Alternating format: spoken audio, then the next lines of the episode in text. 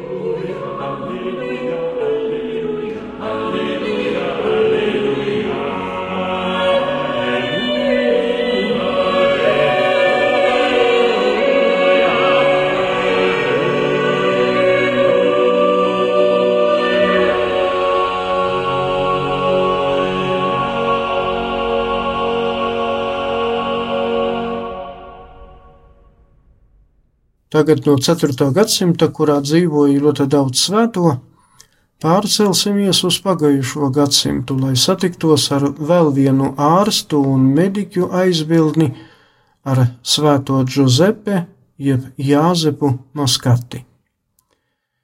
Viņš ir dzimis Benevento pilsētā Kampānijas reģionā Itālijā 1880. gada 25. jūlijā. Viņa tēvu sauca par Francisku, un viņš bija pilsētas ierēdnis. Māti sauca par Rozi. Viņa piederēja Rosatu markīžu dzimtai. Sastajā dienā pēc piedzimšanas, 1880. gada 31. maijā, savas draudzes baznīcā viņš tika nokristīts, un kristību laikā vecāki nosauca viņu par Jāzepu Mariju Karoli Alfonsu. Kad mazajam piepildījās viens gads, kopā ar visu ģimeni viņš pārcēlās uz dzīvi sākumā uz Ankonu, bet vēlāk 1888. gadā uz Neapoli, kur Jāzeps pieņēma pirmo svēto komuniju. Viņš bija ļoti apdāvināts un viegli mācījās un pabeidza sākumā pamatskolu, pēc tam arī gimnāziju, bet 1897. gadā iestājās Neapoles Universitātes medicīnas fakultātē. Jāsaka, ka tajā pašā gada nomira Jāzepa tēvs.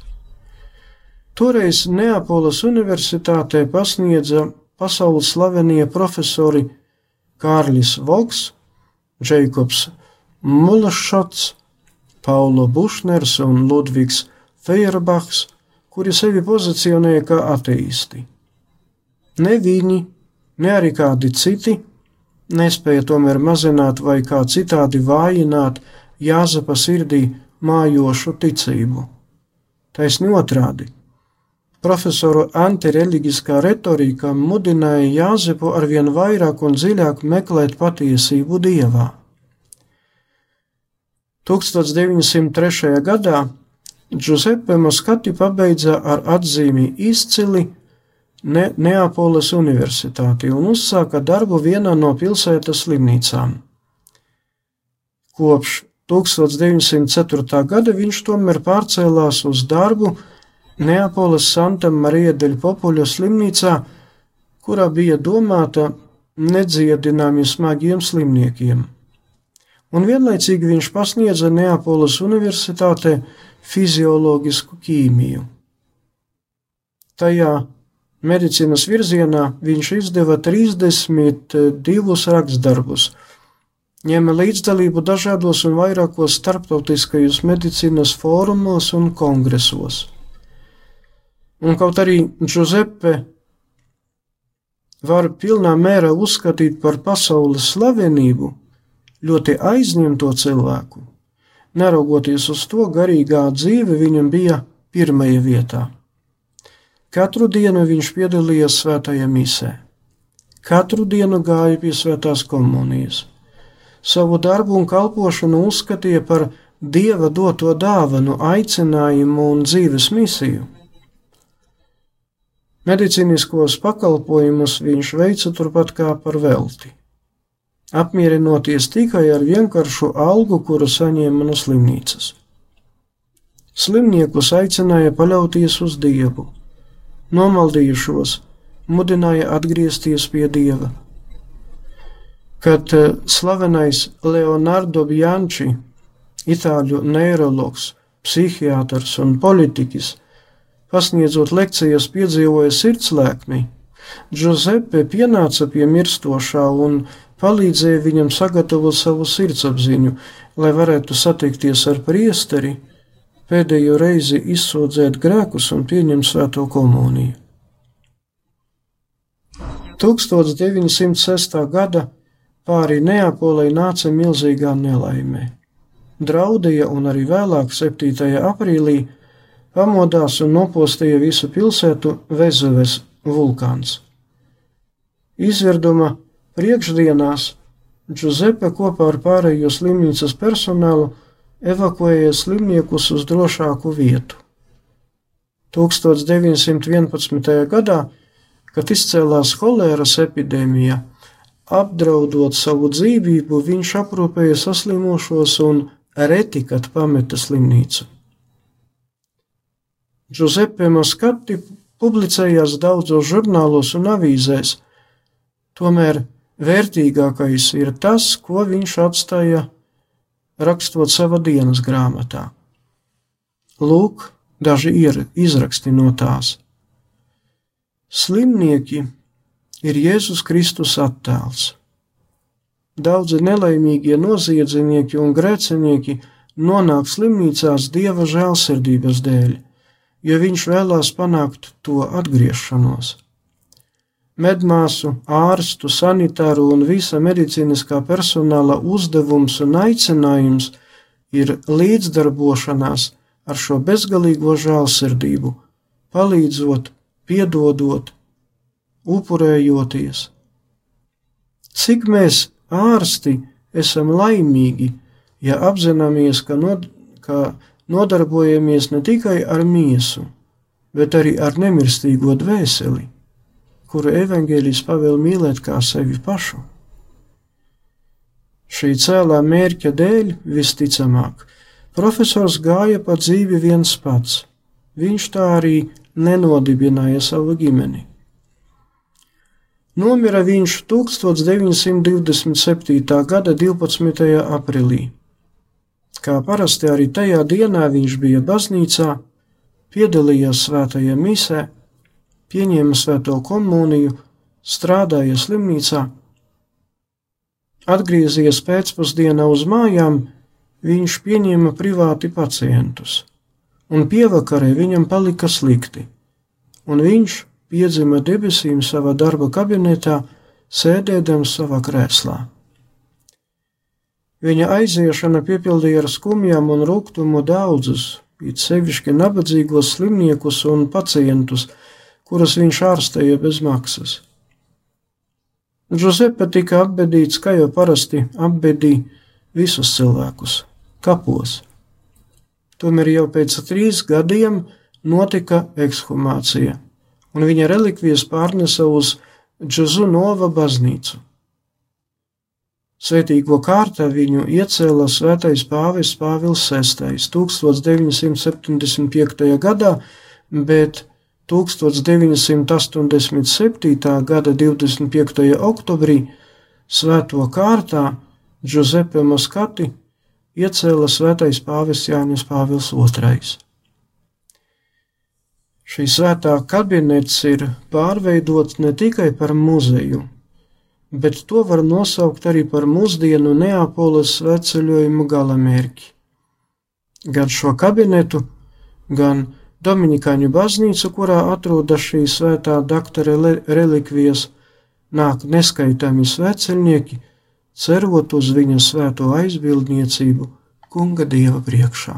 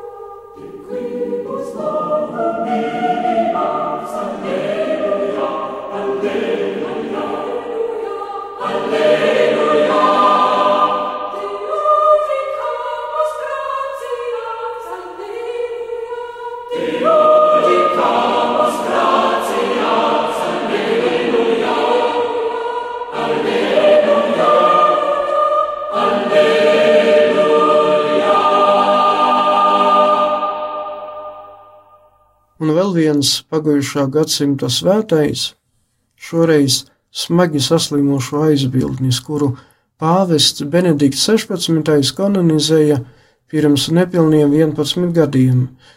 2009. gada 11. oktobrī tika kanonizēts tēvs Damians, beļģu misionārs no Visvētāko Jēzus un Marijas siržu kongregācijas.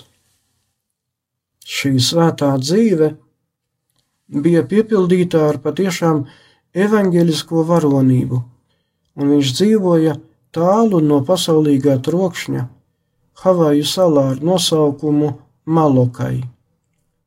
Sekodams savam priesteriskajam aicinājumam, viņš izvēlējās kalpošanu spitālīgo vidū, par kuriem tajos laikos neviens nerūpējās un kuriem piesprieda lēnu nomiršanu brutālajos apstākļos.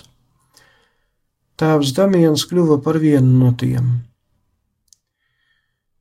Tēvs Damians pasaulē Jāzeps Volters piedzima 1840. gadā Beļģijā. Sekojot sava brāļa Pamfila, piemēram, arī viņš iestājās Visvētāko Jēzus un Marijas siržu kongregācijā, kļuva par priesteri un devās misijās uz Havāju salām. 33 gadu vecumā viņš pieņēma ļoti riskantu, bet pārdomātu un nopietnu lēmumu doties uz vienu no Havaju salām, uz Malokai salu, kur vienā no pussalām mitinājās spitālīgo pasaules atmesto, lēnai un mokošai nāvei nolemto cilvēku kolonna. Kā liecina tēva Damiana biogrāfija, lieki netērējot laiku, enerģiju un pat humoru, viņš centās šajos savos nelaimīgajos, kā viņš pats teica, radiniekos, uzmodināt vēlmi atkal dzīvot un nevis eksistēt.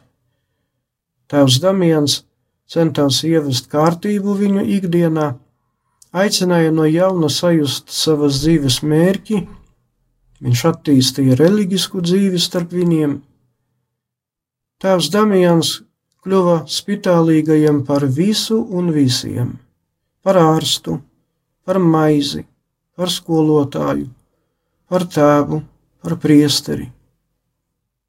Visu savu atlikušo dzīvi viņš veltīja viņiem, lai beigu beigās pateiktu: Es pats esmu kļuvis par spitālīgo, un ne tikai tāpēc, ka vēlos kļūt līdzīgs viņiem, cilvēkiem ar sakropļotu seju. Tāpat kā uz salas mītošie slimnieki, arī tēvam Damianam bija liekts pamest salu. Savas šīs zemes dzīves pēdējos sešus gadus tēvs Damians lēni mira kopā ar pārējiem spitālīgajiem. Jāsaka, ka tēva Damiana aicinājums neizauga ne no kā. Šis aicinājums auga un veidojās balstoties uz dziļas reliģiskas tradīcijas ģimenē un uz sevis uzticēšanas dieva gādībai. Četri no viņa ģimenes veltīja sevi kalpošanai dievam. Vecākā māsa, Eugēnija, nomira no tīfā, rūpējoties par savu saslimušo bērniņu, bet jaunākā māsa nomira no holēras, saslimstot ar holēru, kad aprūpēja saslimušos pandēmijas laikā. Tēvs Damians strādāja un kalpoja spitālīgajiem laikos, kuros neviens izņemot mūkus neuzdrošinājās pat tuvoties tiem, kuri ir saslimuši ar spitālību. Katra minūte, kuru veltīja tēvs Damians lepras slimniekiem, nozīmēja drošu viņas viņa dzīves apdraudējumu. Tāpat kā šodien, tie, mār, tie ārsti un daudzi citi, kuri palīdz cilvēkiem cīnīties ar koronavirusu. 49 gadu vecumā Malokai salā dzīvojošo spitālīgo vidū tēvs Damians piedzima debesīm. Tas notika 1889. gada 15. aprīlī. Svētīgo kārtā tēvu Damianu iecēla Svētais Jānis Pāvils II 1995. gada 4. jūnijā, bet pāvests Benedikts 16. kā jau teicu, iecēla viņu svēto kārtā 2009. gada 11. oktobrī. Lai arī šo svēto dzīves piemērs mūs mudina nepakurst savas ticības ceļos, bet viņu aizbildniecība, lai palīdz mums cīnīties ar koronavīrusa pandēmiju. Lai ir slavēts Jēzus Kristus! Paldies par uzmanību!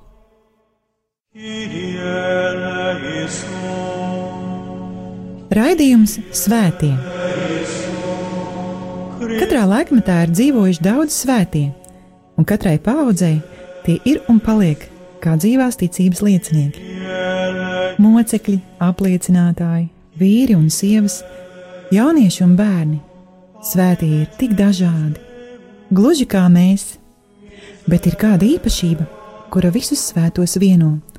Viņi mīlēja, mīlēja dievu un cilvēkus. Raidījums par svētījumiem ir stāstījums par dieva mīlestības reālo klātbūtni mūsu dzīvē. Santa Trinitas unos Deus, miserere Padre, Santa Maria, ora